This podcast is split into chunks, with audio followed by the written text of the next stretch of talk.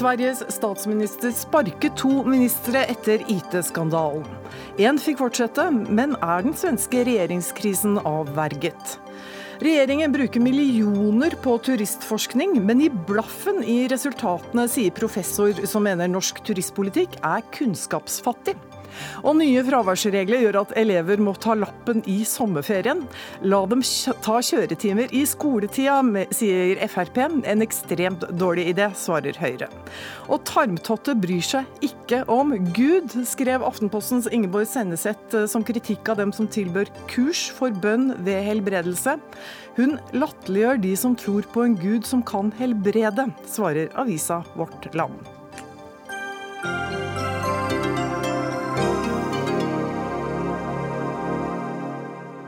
Ja, og med det Velkommen til Dagsnytt 18, i dag med Lilly Fritzmann, hvor vi også får høre en professor som sier at dagligvarekjeden Menys personlighetstester er direkte skadelige og ulovlige. Men vi starter i Sverige. Eh, den politiske situasjonen i vårt naboland er fortsatt svært kaotisk, selv om statsminister Stefan Löfvens regjering blir sittende. Og reporter Berit Rekå i Stockholm, kan du det er jo nærmest en historisk dramatisk dag i svensk politikk, må vi kunne si. Kan du kort fortelle eh, hva som har skjedd i dag?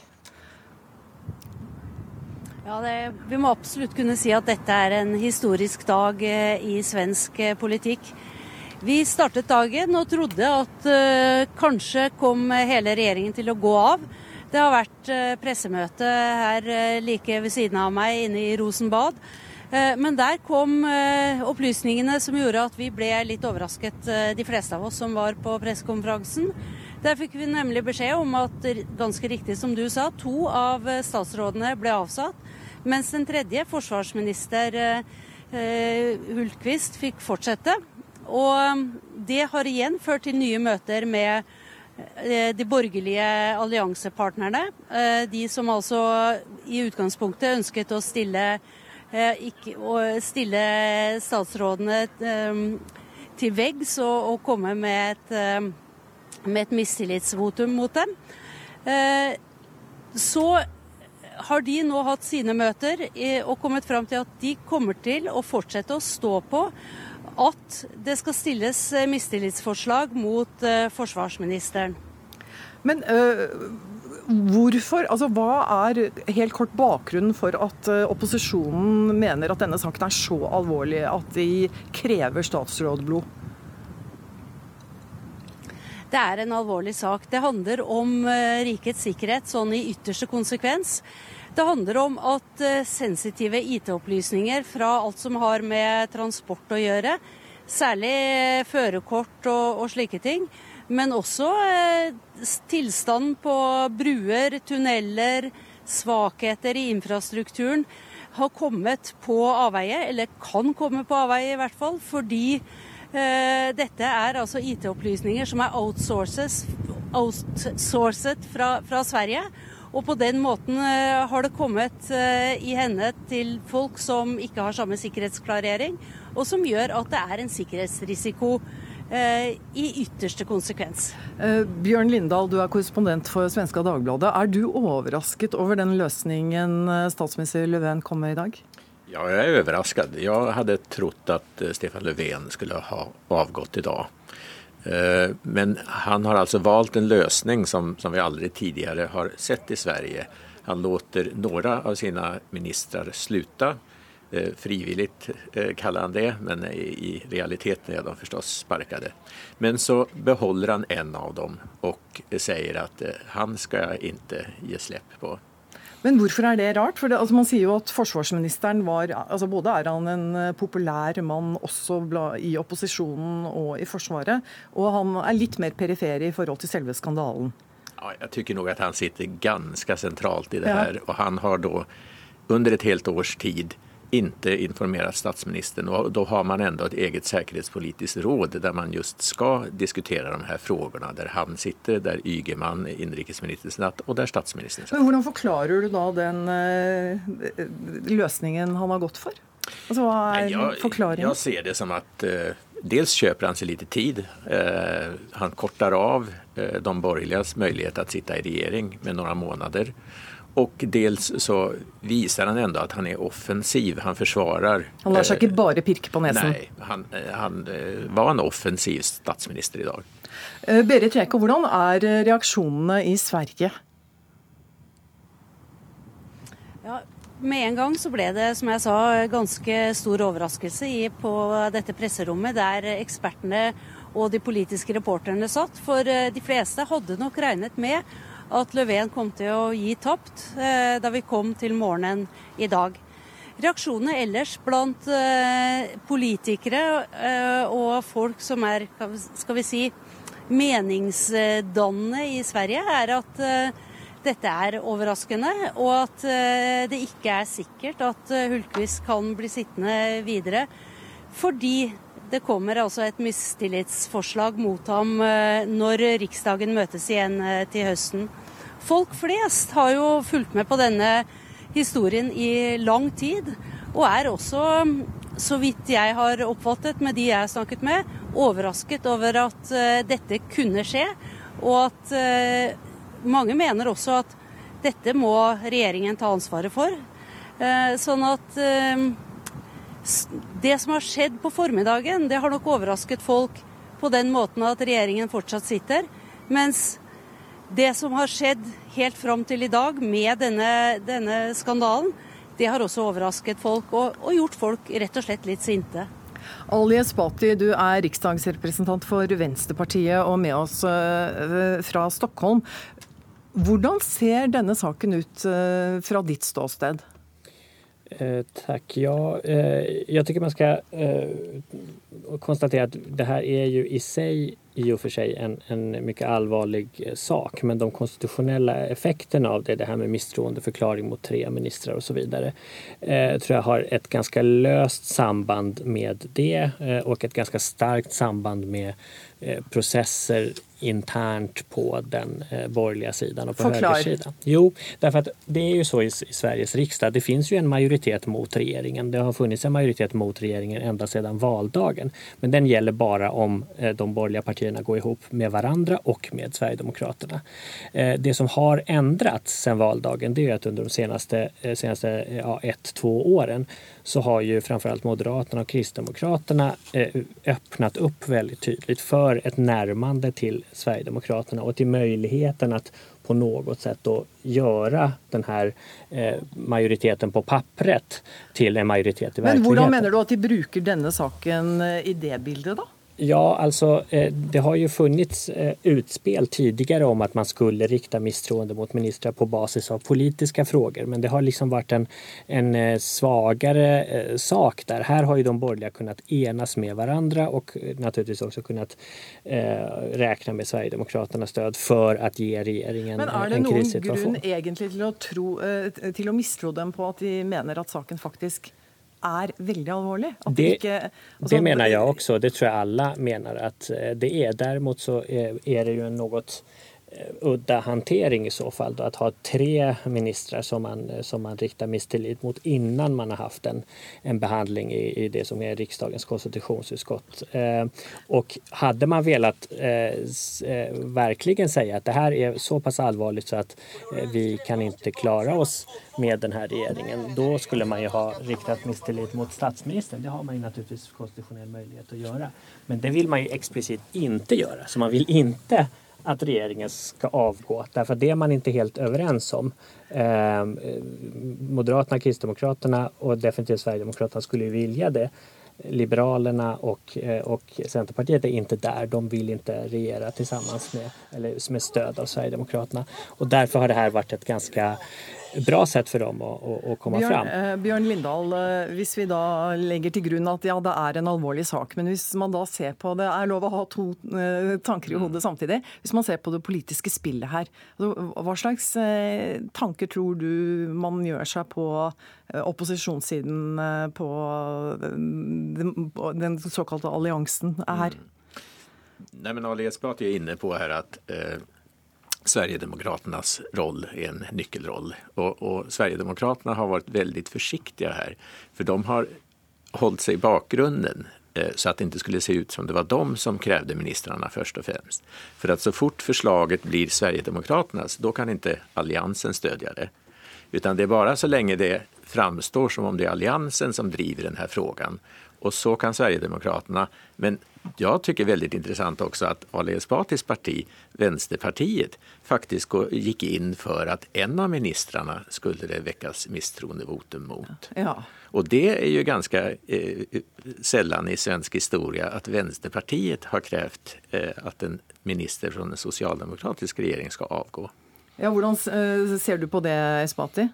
Som jag alltså jag tycker eh, i likhet med eh, de flesta andra att det här är i sak en mycket allvarlig händelse och att det bör både utkrävas eh, ansvar och det bör framförallt se till att det inte sker igen. Vi vet ju att grunden till det här är ju att man under egentligen förra regeringen bestämde att man skulle outsourca mer av myndigheternas IT-verksamhet. Där var ju vi i Vänsterpartiet ganska ensamma om att vara emot det. Men i hur som helst så har Eh, det lagt eh, en grund för att det skulle kunna ske den här typen av, av, problem. Men sen har ju det ytterligare skett mycket allvarliga saker att en myndighet, alltså en etat, har aktivt bestämt sig för att bryta mot lagen. Eh, och då, då, måste man ju så att säga se var i det politiska systemet skulle det här ha stoppats, hur skulle informationen gå? Och därför så är det väldigt bra att konstitutionsutskottet går till grund eh, med den här eh, frågan och både kollar den förra regeringen, den nuvarande regeringen, flera ministrar. Och då kan det säkert bli aktuellt med att ta, vidta andra åtgärder.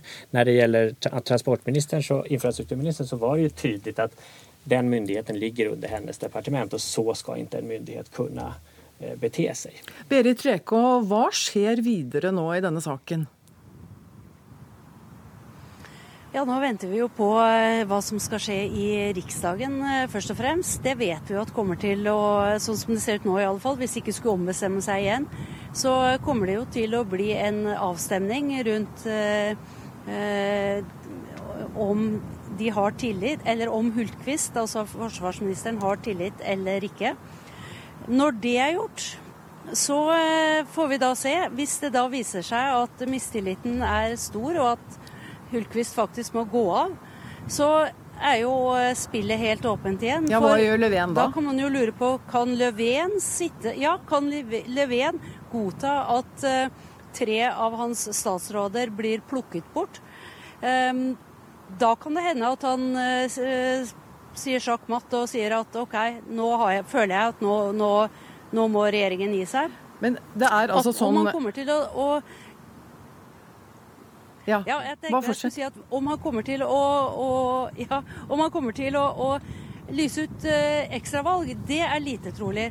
Men han kan altså eh, levere inn eh, avskjedssøknad og eh, overlate til talmann, som tilsvarer vår stortingspresident, å skape en ny regjering, eller å henvende seg til den borgerlige alliansen for å lage en ny regjering. Og da kan han videre si, hvis det da blir Hvis de sliter igjen med å være enige og må styre med Sverigedemokraternes eh, eh, godkjenning, for å si det sånn, så, eh, så, kan han komme tilbake sterkere ved neste valg igjen, eventuelt. Men dette er jo eventualiteter. Det er altså valg eh, neste høst eh, i Sverige, uansett hva som skjer, Lindahl. Og ja. hvem, altså Er det sånn at Löfven kanskje kan ha alt å egentlig tjene på å overlate til alliansen å overta i høst, og så gå i opposisjon inn i et nytt valg?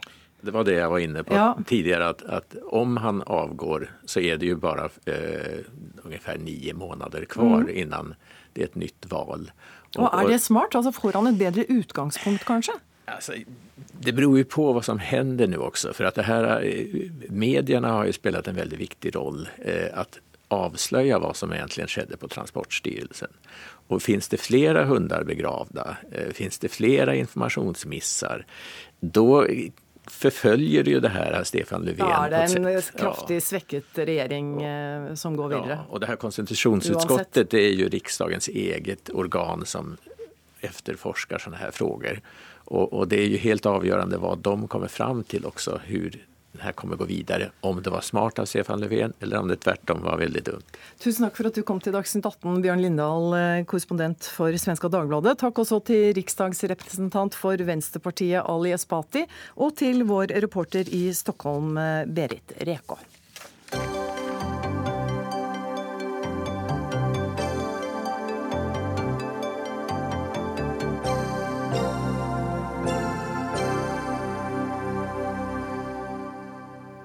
Ja, Turistnæringen er viktig for Norge, men regjeringens reiselivspolitikk er kunnskapsfattig, selv om de betaler millioner av kroner for forskning på området. Det skriver to professorer i en kronikk på NRK Ytring i dag. Og de fortsetter. Hvorfor alt dette snakket om betydning av kunnskap og viktigheten av forskning, når meldingen ikke tar hensyn til veletablert viten og tilrår politikk i strid med kunnskapen? Hvorfor ikke heller være ærlig og si at kunnskap har liten verdi. Dette er det du som skriver sammen med Einar Marnburg Marenburg eh, Svein Larsen. Du er professor ved Institutt for samfunnspsykologi ved Universitetet i Bergen. På hvilken måte er reiselivspolitikken kunnskapsfattig? Ja, nå uh, syns jeg at du oppsummerte det ganske fint. Ja. Vi har lest uh, reiselivsmeldingen med stor interesse og høye forventninger, selvfølgelig. Men uh, en ting som uh, var veldig markant for oss, det er jo å se at meldingens argumentasjoner og føringer rett og slett fullstendig bortser fra hele den vitenskapelige litteraturen eh, om turisme. Men Betyr det at forskerne er enige på dette området? Eh, det er mange eh, forskere som har mange synspunkter, men det finnes òg ganske mye god forskning som er publisert gjennom de siste 20-30 årene i nokså gode tidsskrifter, vil jeg si. Vi har jo et stedlig hjemlig tidsskrift, Scandinavian Journal of Hospitality and Tourism. Selv om dette tidsskriftet har eksistert i 17 år, og publisert sannsynligvis hundrevis av artikler. Noen av de kanskje ikke så veldig gode, men noen av de er gode. Ingenting av dette reflekteres i, i meldingen. Og det syns jeg er veldig rart å lese at det er sekundære referanser og det er referanser til konsulentrapporter, men ikke en eneste vitenskapelig undersøkelse er referert. Men nå er det vel eh, politikerne som skal meisle ut politikken. De trenger ikke alltid være enige med dere som er forskere? Det er jeg helt enig med. Det er heller ikke vår oppgave å utforme politikken. Men vår oppgave, vårt samfunnsoppdrag, så å si, det er å granske så godt vi kan virkeligheten omkring oss. Og rapportere det vi finner, sånn at det kan danne grunnlag for eh, de som skal ta beslutninger Men... på ulike områder i samfunnet. Reiselivsnæringen er viktig for oss, og det, vi føler sterkt at politikken ville vært utformet annerledes hvis de som har avfattet denne eh, meldingen hadde hatt kjennskap til feltet. Men Hvilke konkrete eksempler har du i denne reiselivsmeldingen? som vi skal nevne, Det var altså den første på 17 år. Hvilke konkrete eksempler har du på at man ikke har lyttet til forskerne? Ja, Jeg kan ta et eh, par eksempler. Eh, eksempel er det sånn at de anbefaler at man skal satse på cruiseturismen. Samtidig som de gang på gang understreker at bærekraftighet er viktig.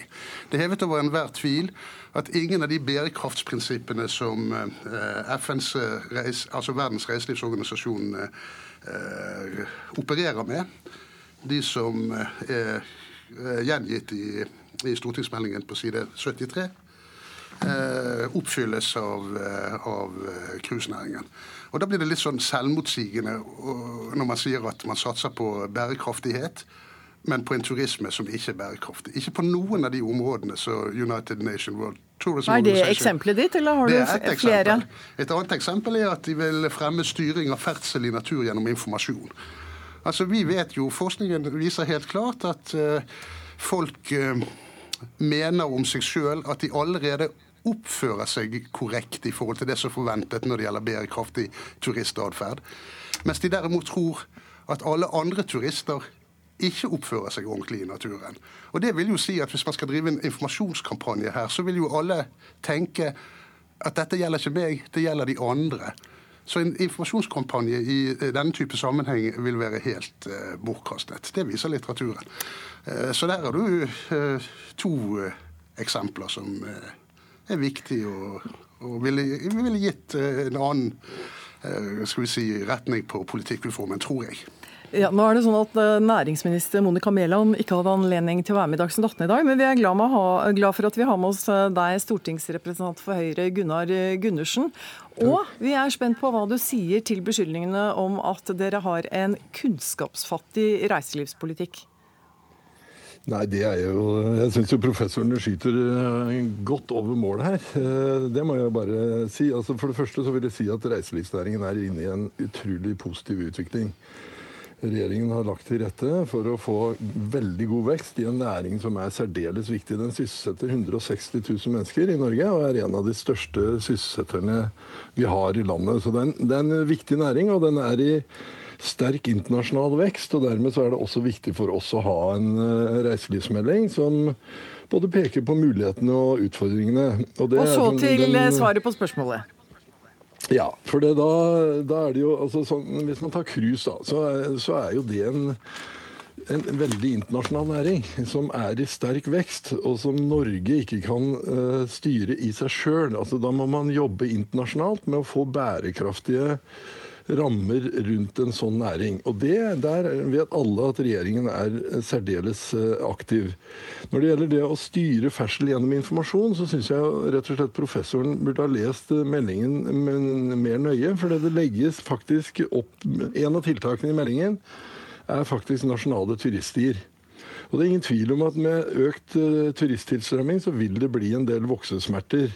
Bl.a. på infrastruktur. Og en del attraksjoner vil kanskje bli overbelastet. Da må man begynne å, uh, også legge til rette. Og det er jo nettopp det regjeringen har begynt å gjøre. Så så jeg syns eh, kritikken her som sagt skyter eh, en god del over mål. Men at det er utfordringer, det er, eh, det er jo ingen tvil om. Svein Larsen, du, ja, La oss høre med Svein Larsen. fordi Da jeg snakket med deg tidligere, så sa du at det virker som regjeringen er fornøyd. Bare jo flere som kommer, jo bedre. Og så er det ikke så nøye hvordan de kommer og hvor bærekraftig det er. Ja, altså mye er bra og mer er bedre. og og mest er det beste, liksom. Det ligger jo til grunn i hele logikken i, i denne meldingen. Men er det feil? Ja, det tror jeg vi kan si er feil. Jeg kan jo bare ta et uh, eksempel. uh, tenk, tenk, altså Bergen har 500 000 cruiseturister inne hver sesong. da. Og De spiser ikke én middag i byen, og de spiser ikke en lunsj. De bruker ikke penger på lokaltransport. De bruker muligens penger på en tur til Fløyen. Okay? Hvis 10 Og så forurenser de ganske mye. Hvis 10% av de hvis 10% av de hadde vært landturister, da hadde de vært i Norge en uke og spist 50 000 middager per dag.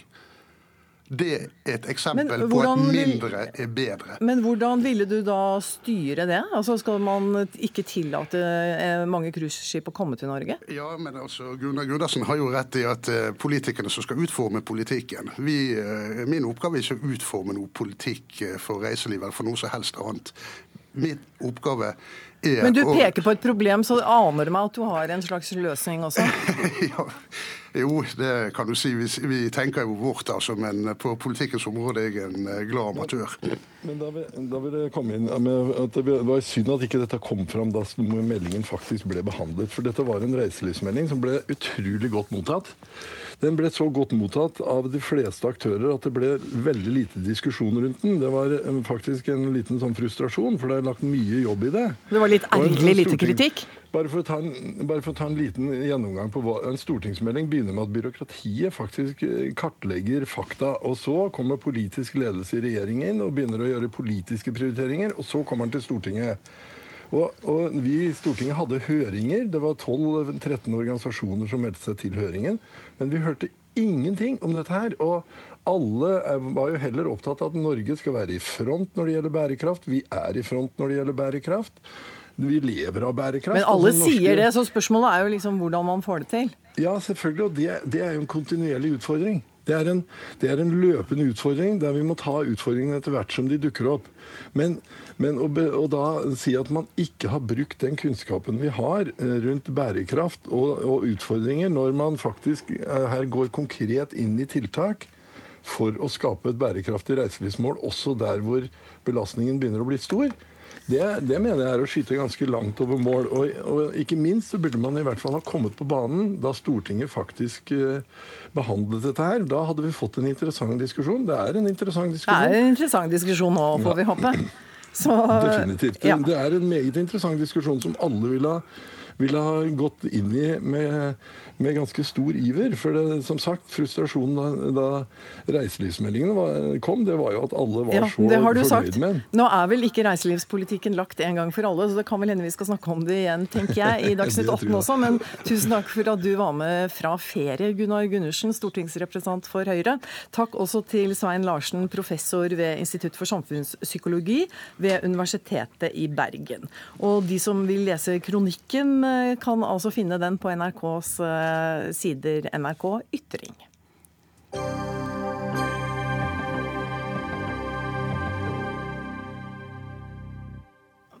Søker du jobb som butikkmedarbeider i landets største dagligvarekjeder, så må du rett og slett ta en personlighetstest for å komme på intervju.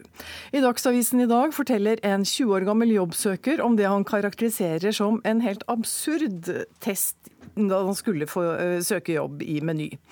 Han ble bl.a. bedt om å ta stilling til påstander som med mer innflytelse ville jeg fått dette landet på fote igjen, og det er personer jeg aldri kommer til å tilgi. Og Roar Bjørklund, du er professor i arbeids- og organisasjonspsykologi ved Universitetet i Oslo. Hva syns du om spørsmålene i denne testen?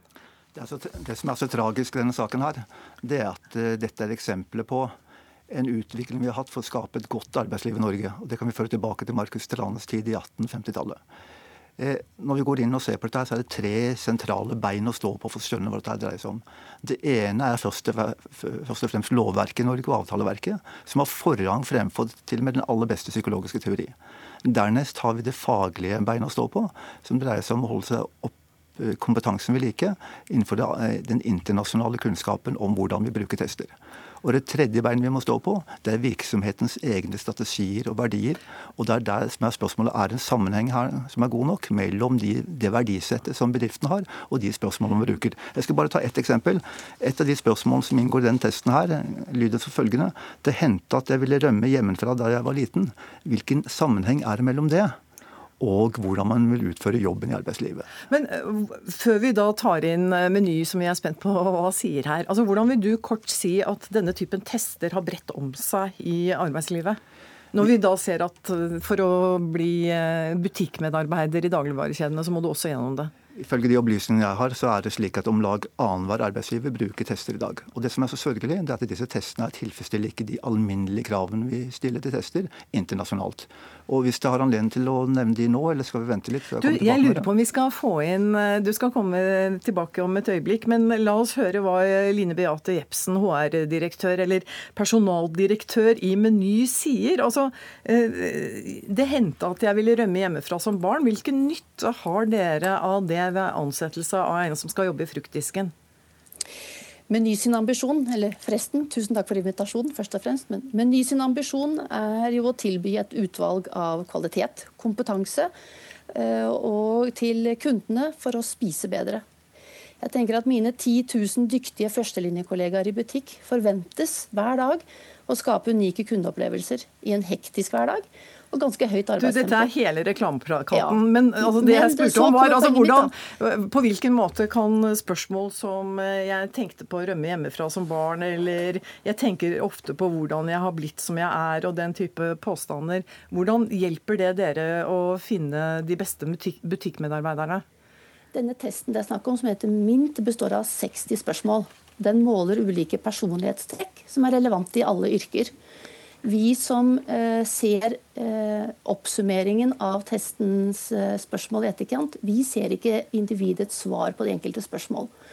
Og hvorfor de enkelte spørsmålene stilles, det burde nesten testleverandøren svart på. Men dere har jo valgt å bruke disse spørsmålene. Altså det er jo dere som ansetter folk, selv om det er et firma som har laget testen. Ja, Vi ansetter 3500 mennesker hvert år. Ja, Og dere velger å bruke disse testene. Og jeg lurer på hvilken konkret nytte har dere av dem? Og én eh, ledig butikkstilling i våre butikker kan få inntil 300-400 søknader. Da trenger vi å ha en objektiv eh, søknadsprosess som sikrer at den, enkeltes, eh, at den enkelte søker blir ivaretatt på en verdig og fin måte. Og Det er disse testene med på å gjøre. Vi ser ikke resultatene på det enkeltspørsmålet. Det er 60 spørsmål. Vi ser bare et helhetsinntrykk som kommer ut av testen. Men eh, Roar Bjørklund, altså, når man får 400 søkere til én eh, butikkjobb, kan ikke Kan du ikke skjønne at det er en lettelse å kunne bruke tester for å sile litt? Fra arbeidsgivers side kan det kanskje være det. Men når vi ser på det faglige aspektet ved bruk av en test, og det er det jeg er opptatt av, så stilles det en del krav til tester i dag. Det ene er selvfølgelig at man må skille mellom mennesker. Altså Hvis du spør et menneske om har du lyst til å ha god helse, så vil nok de aller fleste svare ja på det. Så den, den type spørsmål bruker man ikke så veldig mye. Så må man selvfølgelig tilfredsstille en del vitenskapelige krav. Og det er det sammenhengen mellom de spørsmålene som blir gitt, og hvordan atferden er i butikken. Og jeg ser vanskelig at det er mulig å påvise en sammenheng mellom hva skal jeg si, hvor godt, godt maten smaker, og om en person har hatt lyst til å rømme hjemmefra når han var liten. Men du sier også at de kan være skadelige? Eller resultatene kan være skadelige for enkelte unge? Ja, og Da skal jeg gjerne komme inn på, på tre andre aspekter som er av mer moderne tid når det gjelder bruk av tester. Det går, ene går på fairness. Altså Er dette her en rettferdig spørsmål jeg får, eller er det urettferdig? Det andre det går på såkalte brukermedvirkningsaspektet. Hvor tester i dag er blitt mer og mer opptatt av hvordan er det brukerne sjøl oppfatter det her. Syns de at det er en rimelig god sammenheng mellom det jeg blir spurt og det jeg skal gjøre i jobben, eller er det en uforståelig sammenheng?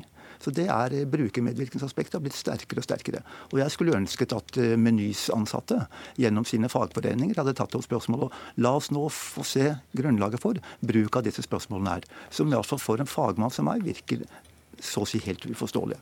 Det siste aspektet som også har kommet mye mye sterkere inn, det er dette tilbakemeldingsaspektet. Hvor den som da blir testet, i dag har et krav på å få tilbakemelding om hva er det nå testen har funnet ut om deg. Og det er den tilbakemeldingen, hvis ikke den blir gitt av kvalifisert helsepersonell, så kan den føre til uhelse fremfor å fremme helse. Her hører du hva professoren sier, eh, Jepsen.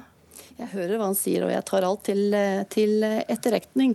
For her eh, får ja, altså De som utfører testen før de søker, de får et sånn lite sammendrag av seg selv. Liksom. Dette er dine problemer, og dette er dine fordeler. Ja, og Det er litt av det samme som vi får i tilbakemeldingen av den første utselgingen av kandidatene. Og Så fortsetter vi søknadsprosessen videre med flere andre ulike steg, bl.a. et direkte intervju, hvor vi da går igjennom eh, resultatene med kandidaten. Men altså, Jeg så på noen andre av spørsmålene her. og Det er altså sånn, eh, f.eks. et statement som jeg opplever ofte at det meste er meningsløst. Og jeg syns det er greit å bryte loven av og til. Altså, Tror dere at folk er så dumme at de krysser av og stemmer eh, på det? Det er fire ulike verdier som da kandidaten svarer på. Helt uenig, delvis enig osv. Det gjør jo at det skiller uh, ut. Igjen, den faglige vurderingen av de ulike spørsmålene skulle jeg gjerne ønsket at leverandøren hadde vært her og kunne svare for. Det skulle vi også vi ønske. Stor, vi har vært i kontakt med dem i dag. Ehm, men Bjørklund, vi nærmer oss slutten her. Men eh, du nevner også at dette er helt på grensen når det gjelder arbeidsmiljøloven. På hvilken måte er det det? Ja, vi har hatt en omfattende debatt i Norge på, ved revisjon av arbeidsmiljøloven i 2006. Og da kom det inn et nytt krav til arbeidsgiverne. Det er paragraf 4-3, punkt nummer 1. Og der har en arbeidsgiver en plikt å ivareta de ansattes verdighet og integritet. Og jeg tror de aller fleste brukerne vil oppfatte at en rekke av de spørsmålene som blir brukt her, de går på grensen til å være en krenkelse av min verdighet. Vi opplever på motsatten at vi virkelig i stor grad tar vare på den enkelte kandidats verdighet og integritet ved at det er en profesjonell og objektiv søknadsprosess man da blir eh, eh, ført igjennom, fremfor at det er en subjektiv vurdering av den enkelte intervjuer med et tilsvarende trynefaktor. Da sier vi takk til deg, Linn Beate Jepsen, HR-direktør i Meny, og takk også til professor i arbeids- og organisasjonspsykologi, Roald Bjørklund.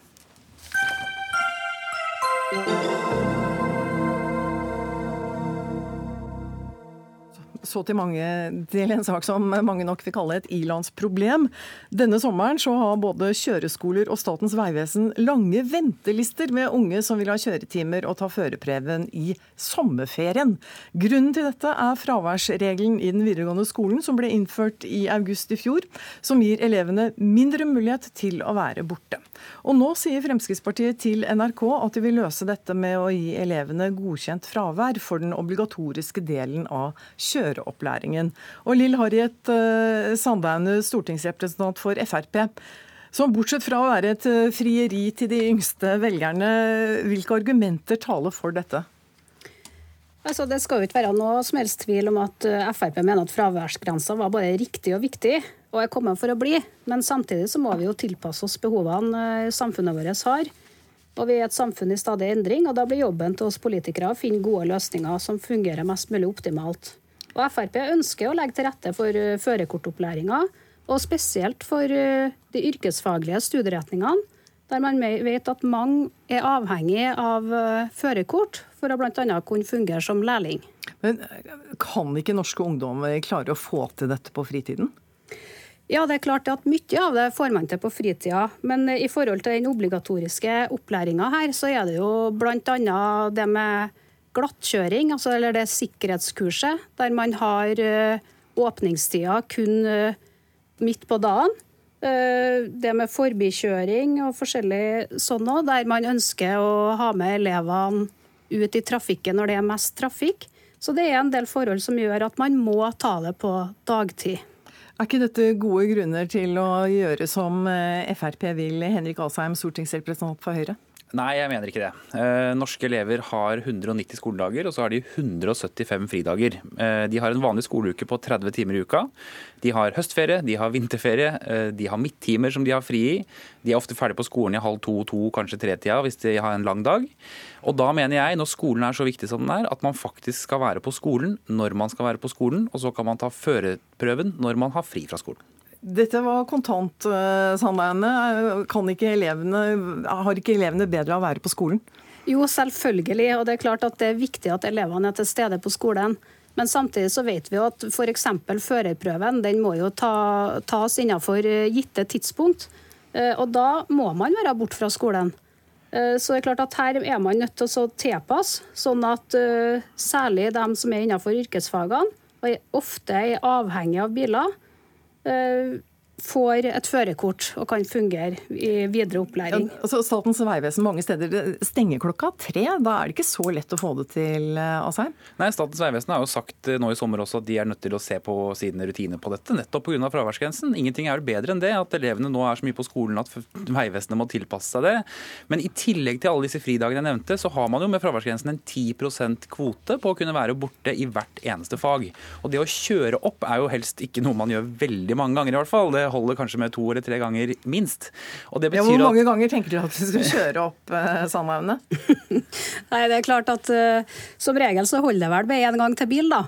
Eh, så det, det, er klart, det. Men uansett så, så er det viktig. Men begynner dere ikke i litt rar ende? Altså, målet er jo at elevene skal være mer på skolen og lære mer. Og når Statens vegvesen også sier til NRK at de kommer til å se på sine regler og sine åpningstider for å tilpasse seg her, er det ikke den enden man begynner i, som Asheim er inne på, og ikke den andre? Ja, det er klart at det her Standpunktet til Fremskrittspartiet det kom jo under programbehandlinga i vår om, om, at dokumentert obligatorisk kjøreopplæring ikke skulle medregnes som uh, fravær. Uh, og Det er klart det at det er kjempebra at Statens vegvesen nå vil se på dette her og få til løsninger, men vi vet jo at uh, ventelista i forhold til førerkort det har jo vært i årevis. Og det er positivt at man nå ser på det, men det er kanskje altså samla løsninger som gjør at vi nå får til at elevene faktisk kan ta denne eh, førerprøven eh, snarest mulig, og slippe å stå og vente på den. Asheim, hvor mange unge velgere tror dere Frp rapper av dere med dette her? Nei, Det vet jeg ikke. men Det er altså sånn... Er det noen?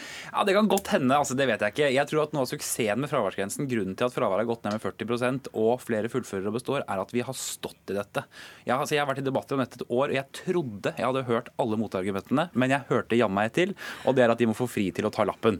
Og jeg tror, altså Nå må vi stå på dette, og vi skal også forberede elevene til livet etter skolen. og i arbeidslivet ellers så er det ikke sånn at du kan ta fri fra jobb for å ta kjøretimer. Det må du gjøre utenom arbeidstida di. Og der fikk du siste ordet, Henrik Asheim. Takk for at du var med. Takk også til Lill Harriet Sandaune.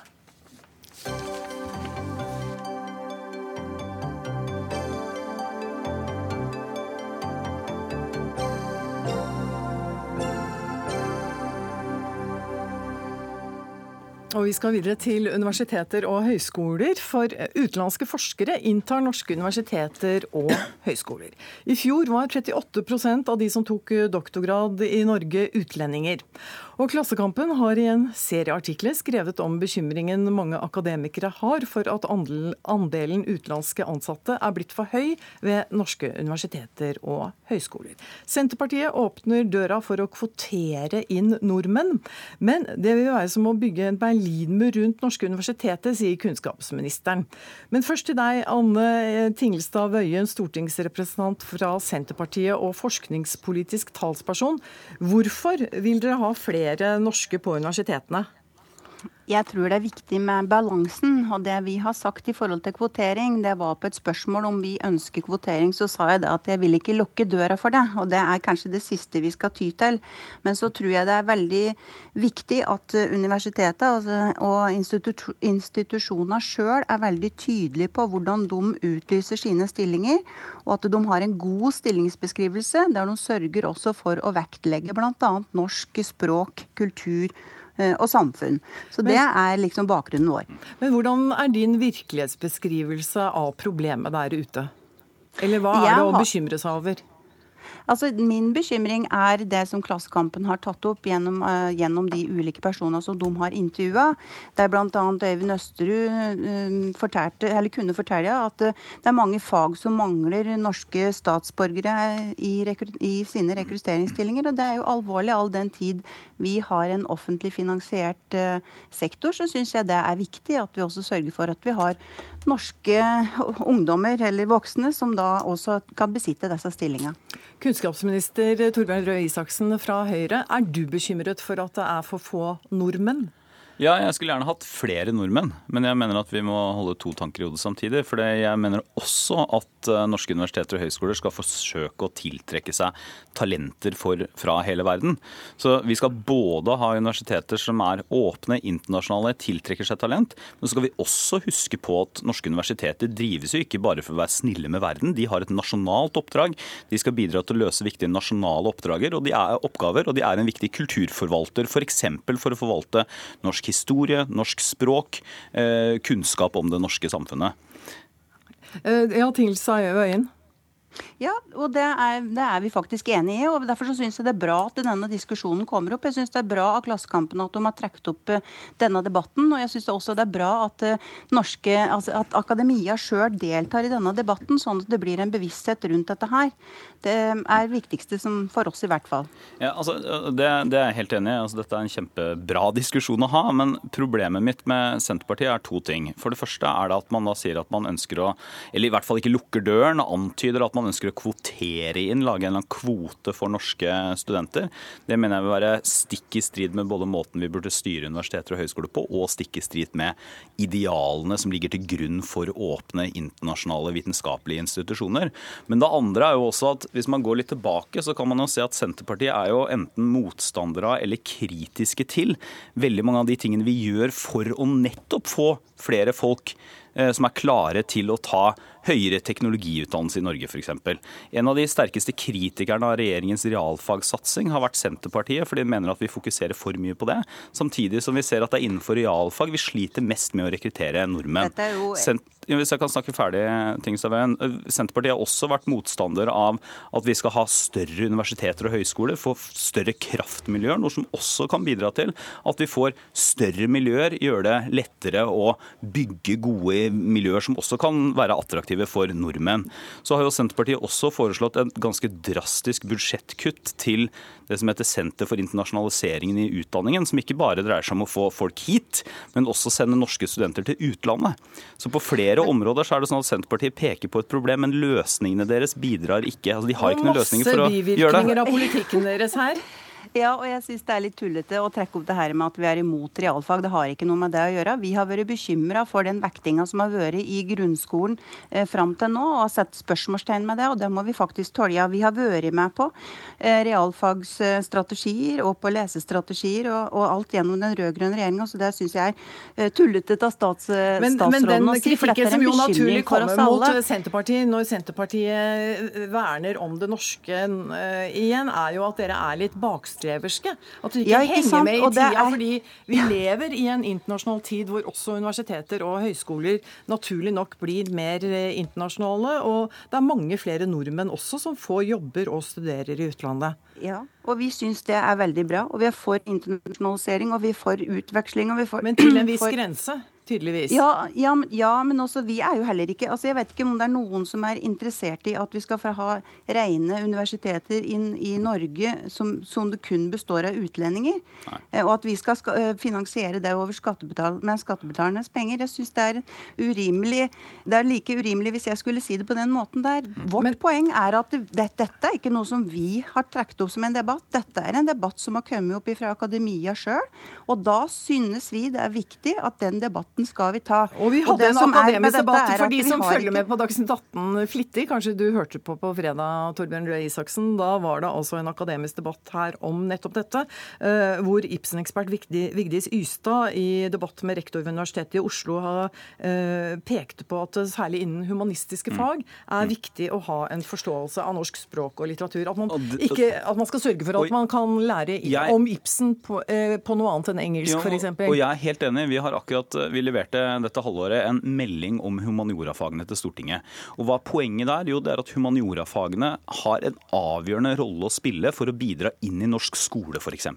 Og det er jo ikke, det er selvfølgelig altså da språkfag som, som tysk og fransk og engelsk eller andre, men det er jo også innenfor norsk, innenfor norsk historie. Det er helt klart at vi som land må ha f.eks. folk som kan norsk historie, norsk juss, forske på norske samfunnsforhold. Vi kan ikke ha universiteter som er bare opptatt av verden og ikke opptatt av Norge. Men det er jo ikke det diskusjonen går på. Diskusjonen går jo på hvordan skal vi klare å rekruttere nok norske doktorgradsstipendiater. Og er det sånn at løsningen? Nei, altså Min løsning er f.eks. da, når vi ser at det er særlig innenfor realfag og teknologi at vi har flest utenlandske stipendiater igjen, så er ikke min løsning å foreslå en kvote hvor vi senker kravene for nordmenn. Det er jo ingen grunn til å gjøre. Min løsning er jo å satse konsekvent systematisk på realfag, dyrke fram norske talenter, som så kan ta høyere utdannelse, og som så kan være fremtidens norske forskere. Men hvem er det som er imot å dyrke fram norske talenter? Nei, men er er- parti var det Nei, men det er ingen som sier at de er mot det. Men spørsmålet er jo hva man faktisk gjør i praksis. Eh, Anner Tingelstad Wøien har jo også sagt på vegne av Senterpartiet til, eh, til Klassekampen at det er ingen grunn til å tro at Norge skal klare å, å ha mange verdensledende internasjonale fagmiljøer. Jeg syns det tyder på en total mangel på ambisjon, som er den samme som førte til et hvileskjær under forrige regjering, og som jo gjør at man kan frykte at hvis det blir et regjeringsskifte, så blir det igjen et hvileskjær innenfor forskning og høyere utdanningspolitikken. Sedat Det og jeg- lite ambisiøse? Ja, ja, det jeg har sagt, det er at det, som i Storbritannia og i USA, så er det mange universiteter. eh, Ikke alle av dem er eh, internasjonalt ledende. Og vi må også stikke fingeren i jorda og si at det er ikke alle våre universiteter som skal være internasjonalt ledende. Vi, og vi trenger det faktisk ikke heller på alle områder. For vi skal også Men har ikke Norge absolutt alle forutsetninger? si? Jo, men altså, vi skal også utdanne på universiteter og høyskoler, så skal vi utdanne de breie profesjonsutdanningene. Vi skal utdanne de verdens beste norske lærere, da, for å si det sånn. Da er det greit hvis vi har det som en ambisjon. Verdens beste norske sykepleiere som skal jobbe i, i sykepleien i den enkelte kommune, og vi skal ha kommuneplanleggere rundt omkring. Sånn at det er noe med da at vi skal ha ambisjoner på verdensledende miljøer, men det er ikke sånn at alle alle universiteter skal ha, eller alle som nå har blitt universiteter eller som er høyskoler, skal ha mål av seg til å kunne bli verdensledende innenfor for sitt felt. Kanskje innenfor enkelte felt. Men nå vil jeg bare si en ting til. Og det går på det med Isaksen blir ikke, er ikke kvalifikasjoner. uansett dette bare ord. Altså sånn, vi skal være verdensledende, og Senterpartiet nei, vi vil ikke. Altså, det er jo bare, det er jo bare 17. mai-taler. Jeg kjenner godt Gjøvik. Det som nå er NTNU på Gjøvik, har et miljø innenfor IKT-sikkerhet som vi må kunne kalle verdensledende. Så skal Ja. ikke alle være verdensledende på alle områder. Helt urealistisk. Men jeg har bare lyst til å nevne én siste ting, siden vi sikkert går tom for tid. Ja, det er det Og det er jo at Paradokset her er jo at samtidig som Senterpartiet er veldig opptatt av at det skal være eh, norske doktorgradsstipendiater, som jeg er helt enig i, så har de jo samtidig sagt nei til at vi skal si at de som kommer fra andre land for å studere i Norge, kan vi kanskje legge en bitte liten skolepengeavgift på. Eh, sånn at ikke norsk utdanning er i hermetegn gratis eller skattefinansiert for studenter fra hele landet. Men at de som kommer fra utenfor EØS kan betale for seg, amerikanere f.eks., på samme måte som nordmenn betaler i USA. Du får vi veldig, veldig at, kort kommentar til slutt, eh, Ja, vi mener at som alle, så mener vi også at vi skal ansette de som er best kvalifiserte. Og så kommer det an på hva er det vi legger i dette her med kvali, kvalitet eller kvalifikasjoner. Og det går, har, har, i stor grad dreid seg om publisering. Og publisering gjerne på engelsk. I tillegg altså, men vi må stille spørsmålet hvordan skal vi måle disse her kvalifikasjonene. Bl.a. dette her med undervisningskompetanse, som du har prata veldig nå, mye om. Det er en det, viktig det ting. Meg at her er det mye å si, men jeg tror ikke du rekker det i dagens Dagsnytt 18. Vi får heller invitere tilbake Anne Tingelstad Wøien, forskningspolitisk talsperson for Senterpartiet, og kunnskapsminister Torbjørn Røe Isaksen fra Høyre.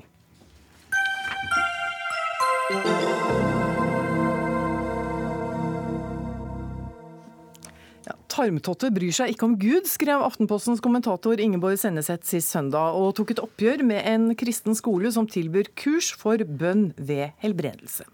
Vårt Land mener på lederplass at hun bidrar til å latterliggjøre alle som tror på en gud som kan helbrede og gjøre mennesker friske. Og Ingeborg Senneset, journalist i Aftenposten, eh, du er også utdannet sykepleier, så tar vi med det i denne sammenhengen. Hva tenkte du da du oppdaget dette tilbudet om å lære seg å helbrede ved bønn? Eh, det er jo ikke, er jo ikke en ny tankegang, det har vært i veldig mange år. Eh, det som var forskjellen her nå, er at det er en skole som får eh, statsstøtte for å ha ei helbredelseslinje. Og det er nå én diskusjon, men også som bruker sine egne elever aktivt i markedsføring. Og det der syns jeg blir å blande interesser, og det reagerer jeg på. Og det som er at og blande inn det at eh, anekdotiske bevis for at eh, laktoseintoleranse hadde gått over av bønn, og eleven var blitt oppfordra til å teste det. For de har en videoreklame av en som var tvil, tvilende til dette, og så plutselig kunne han spise rundstykke med brunost uten å bli syk. Nettopp. Og det er sånn, altså det at han kunne gjøre det, jeg legger ikke meg noe borti hva han kunne gjøre, men hele den tankegangen med at du skal bli bedt for, og så skal du kunne teste det, det kan ha svært alvorlige konsekvenser. Jeg vil helst ikke erfare at en tiåring med nøtteallergi skal teste om det går bra og så får vi et resultat Eller få dårlig samvittighet hvis, eh, hvis bønn ikke virker. Nettopp. Eh, Berit Aalborg, du er politisk redaktør i Vårt Land. Eh, hvorfor kritiserer dere Senneset for å ikke ta folks tro på alvor? Men altså bare for å si Det sånn, det hun sa nå nettopp, det er ikke vi uenig i. Eh, og, og, vi er enig i følgende. Vi tar avstand fra en kommersialisering av helbredelse. Vi tar avstand fra maktmisbruk og utnytting av mennesker i krise. Og jeg må jo også bare få si det at Mediehuset Vårt Land er kanskje en av de mediehusene i Norge som har skrevet mest om og hatt et kritisk blikk på nettopp makt, misbruk av tro. Eh, og vi har også tatt avstand fra kvakksalveri. Det skrev jeg faktisk også i den, i den Men kommentaren. Men dere bruker altså en hel lederartikkel ja. på å kritisere ja kommentaren da, til Aftenposten og Senneset. Det gjorde vi, og da skal jeg gå over på der våre veier skilles. Det er når hun kategorisk eh, fastslår at kroppen ikke bryr seg om Gud. altså at Hun, hun oppfordrer, oppfordrer andre, andre, til det samme, og dermed avviser kategorisk at det fins en dimensjon som går på bønn, eller som går på helbredelse, som er en del av en, en veldig solid kristen eh, tradisjon og tro. Og, og som vi deler med andre sier, troende. Da sier dere at helbredelse ved bønn funker? Men la meg bare si en ting til. Um, hvis du sier at du har respekt for personlig tro, som hun har skrevet i kommentaren, så, og personlig handling, så er det en del av det å ha respekt for det å tro. Det er å tro på en annen dimensjon. Og det er å tro på at det er mulig. Men, Men det, det, betyr at du sier at det Vårt Land egentlig skriver, er at helbredelse ved bønn kan funke? Altså, jeg tror, altså Det er mange mennesker som, som, Det vi har skrevet, er at man skal ha respekt for det synspunktet, og at man kan, at man har en lang tradisjon for å tro på det. Men Hvis dere bare tenkte at det var baloney og bullshit, så hadde dere vel ikke skrevet eh, så kritisk mot Senset? Nei, men vi tror jo ikke det er baloney og bullshit. Det er, det, det, det er, liksom ikke en del av det. Men, men det, er en, det, er en, stor forskjell på det å stå i en tradisjon hvor man tror at altså, Kristne mennesker tror at Gud kan vekke opp fra de døde. Da er tarmtotter en liten del av det. Det er egentlig det jeg prøver å si. Sånn at eh, det er jo ikke sånn at vi, tror, vi syns det er greit at man kommersialiserer og på en måte sier at man ikke skal gå til legen f.eks. Men det er det å ta så, så, tydelig avstand fra en tradisjon hvor man tror på helbre, at helbredelse er en mulighet. Det er det som vi er opptatt av. Ja, føyer du deg inn i en litt sånn tidsånd med å harselere over folks tro og latterliggjøre folks tro? Eh, jeg tror du skal lete veldig godt i den kommentaren for å finne at jeg latterliggjør eh, noen folk sin tro. Eh, tvert imot så skriver jeg faktisk at å utnytte troens makt, det er en helt reell makt. For bedre helse det er jo i beste fall en god utnyttelse av, av karismatiske mennesker sin, sin evner til empati og omsorg. Men det er et maktperspektiv, og maktperspektiver det fordrer varsomhet. Men det som er at det blir veldig rart for meg når det skal stå en lederartikkel som plutselig skal handle om meg, for det handler jo ikke om meg. Det er nettopp det som er poenget. Det handler om at en norsk skole i 2017 får statsstøtte for utdanning i helbredelse og profeti. Uh, og det handler om at skoleelever blir brukt i markedsføring. Det handler om at leger møter syke mennesker som har avvist behandling det ble skrevet ja, om i Rogaland La oss ta det. Ja, men la oss ta det problemet. Ikke sant? det er leger som har vært ute og sagt at de er eh, bekymra fordi de ser pasienter som da dropper å gå til lege, dropper sykehusavtaler. Men det, men det, er akkurat det som jeg har sagt. Vi har også hatt en rekke kritiske artikler på, denne, på disse tingene. Og, og, jeg er helt enig med Senneset at maktperspektivet må man virkelig ta på alvor. Det er derfor vi har hatt kritiske artikler om disse tingene. Men, allikevel så blir det en sånn litt vanskelig men, men, å forstå mellomposisjon det, det når dere går løs på Senneset. ikke sant? Fordi si... denne videoen, som, hvis man ser på den ja. og finner den på nettet, må... så er det liksom veldig ukritisk. Altså er, ja. man, de sier 'lær deg det teoretiske grunnlaget for å helbrede ved bønn'. Si at vi sa jo at det var en legitim kritikk. Det vi tok tak i, var nettopp det at man avviste det totalt, og samtidig sa at man har respekt for tro. Som for jo ikke man, avvist i det avsnittet jeg viste Nei, men du sa at kroppen tror ikke på Gud. Og det er en avvisning av tro som et perspektiv. Og jeg må jo bare si det at vi gikk ikke til angrep på Senneset. Det vi gjorde var altså Hun er en kommentar, altså hun skriver kommentarer Sennesets utholdelige letthet ja, og det var, overskriften. Det var, et spill på, det, det er litt vanskelig å ikke oppfatte ja, det, som et slags angrep. Det forstår jeg, men vi, vi, vi spilte på Milan Kunderas 'Tilværelsens utholdelige letthet', som nettopp tar opp det perspektivet at eh, man, man, stiller spørsmålet om det fins en mening med livet, eller om det er tilfeldighet. Og Det var grunnen til at vi brukte den tittelen. Det har hatt mye kritikk, og kanskje burde vi valgt en annen tittel på det. Men, men, men, jeg har bare lyst til å si at jeg opplever ikke at vi gikk til angrep på henne. Hun er en kommentator med et stort eh, med mange som leser henne. Og da har vi behov for å nyansere det som, det som hun sier. fordi at vi opplever at hun, Vi gikk ikke til angrep på henne personlig. Jeg syns hun er en flott kommentator med stort gjennomslag. Men vi hadde behov for å nyansere det. Og når et så stort mediehus som Aftenposten, med så stor makt som de har i, i samfunnet, legger en sånn kommentar på, så vil et lite mediehus som Vårt Land, som har en litt annen agenda, nyansere eh, det som hun har tatt opp. Ja, jeg syns jo, jeg jo tittelen var kjempemorsom. Uh, I og med at jeg har en viss historie med akkurat letthet. Uh, selv så spilte jeg jo på tittelen til Aksel Jensens uh, 'Gud leser ikke romaner'. men det blir en litt annen sak. tingen er at jeg personlig føler meg ikke angrepet. Jeg syns at en lederartikkel i likhet med andre kommentarartikler skal være fri til å mene akkurat hva de vil, så lenge de ikke går ut over sine mandater der. Men jeg syns at vi skal heller holde oss til det som er viktig i denne saken her, og det er det at unge mennesker, sårbare unge mennesker, de oppfordres til å teste om bønnen har fungert. Det er kjempeskummelt. Plutselig så er det feil diagnose som tester det der. Og det handler om at det har blitt en sånn merkelig sak med at omvendt bevisbyrde plutselig fungerer. Det er ikke jeg som skal bevise at tarmtotter ikke hører på Gud. Det er egentlig noen andre som skal bevise at tarmtotter gjør det. Og det er det ingen som har klart å dokumentere så langt. Men jeg gleder meg til å se eh, framlegg av skikkelig evidens på det. Men jeg tenker og også på, de, nei, du, på den, de som er eh, målgruppa her. Jeg skal bare nevne også at vi har prøvd å få med skolen, men ikke kommet i kontakt med de i dag.